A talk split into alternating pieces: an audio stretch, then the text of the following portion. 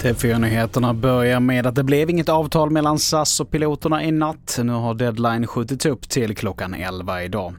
Kortfattat så gäller konflikten att facket vill att alla piloter ska omfattas av kollektivavtal medan ledningen vill försämra villkoren för att rädda bolaget. Vi står långt från varandra, det gör vi, men, men eh, vi syns att detta är så viktigt för passagerarna våra att vi är villiga till att försöka på övertid.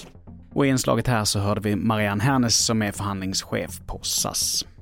Vi fortsätter med att nu vid femtiden på morgonen så kom det in larm om översvämningar i flera bostäder i Norrköping. Det är efter ett kraftigt regnväder som dragit in över stan och i nuläget så har räddningstjänsten tre stationer på plats som jobbar på att lösa det. Inga personer ska dock ha kommit till skada och det mesta handlar om materiella värden. Och till sist, digitaliseringen skulle ge ikonbandet evigt liv men under fredagens föreställning av ABBA Voyage i London så slocknade allt en bit in i showen. Det rapporterar Aftonbladet.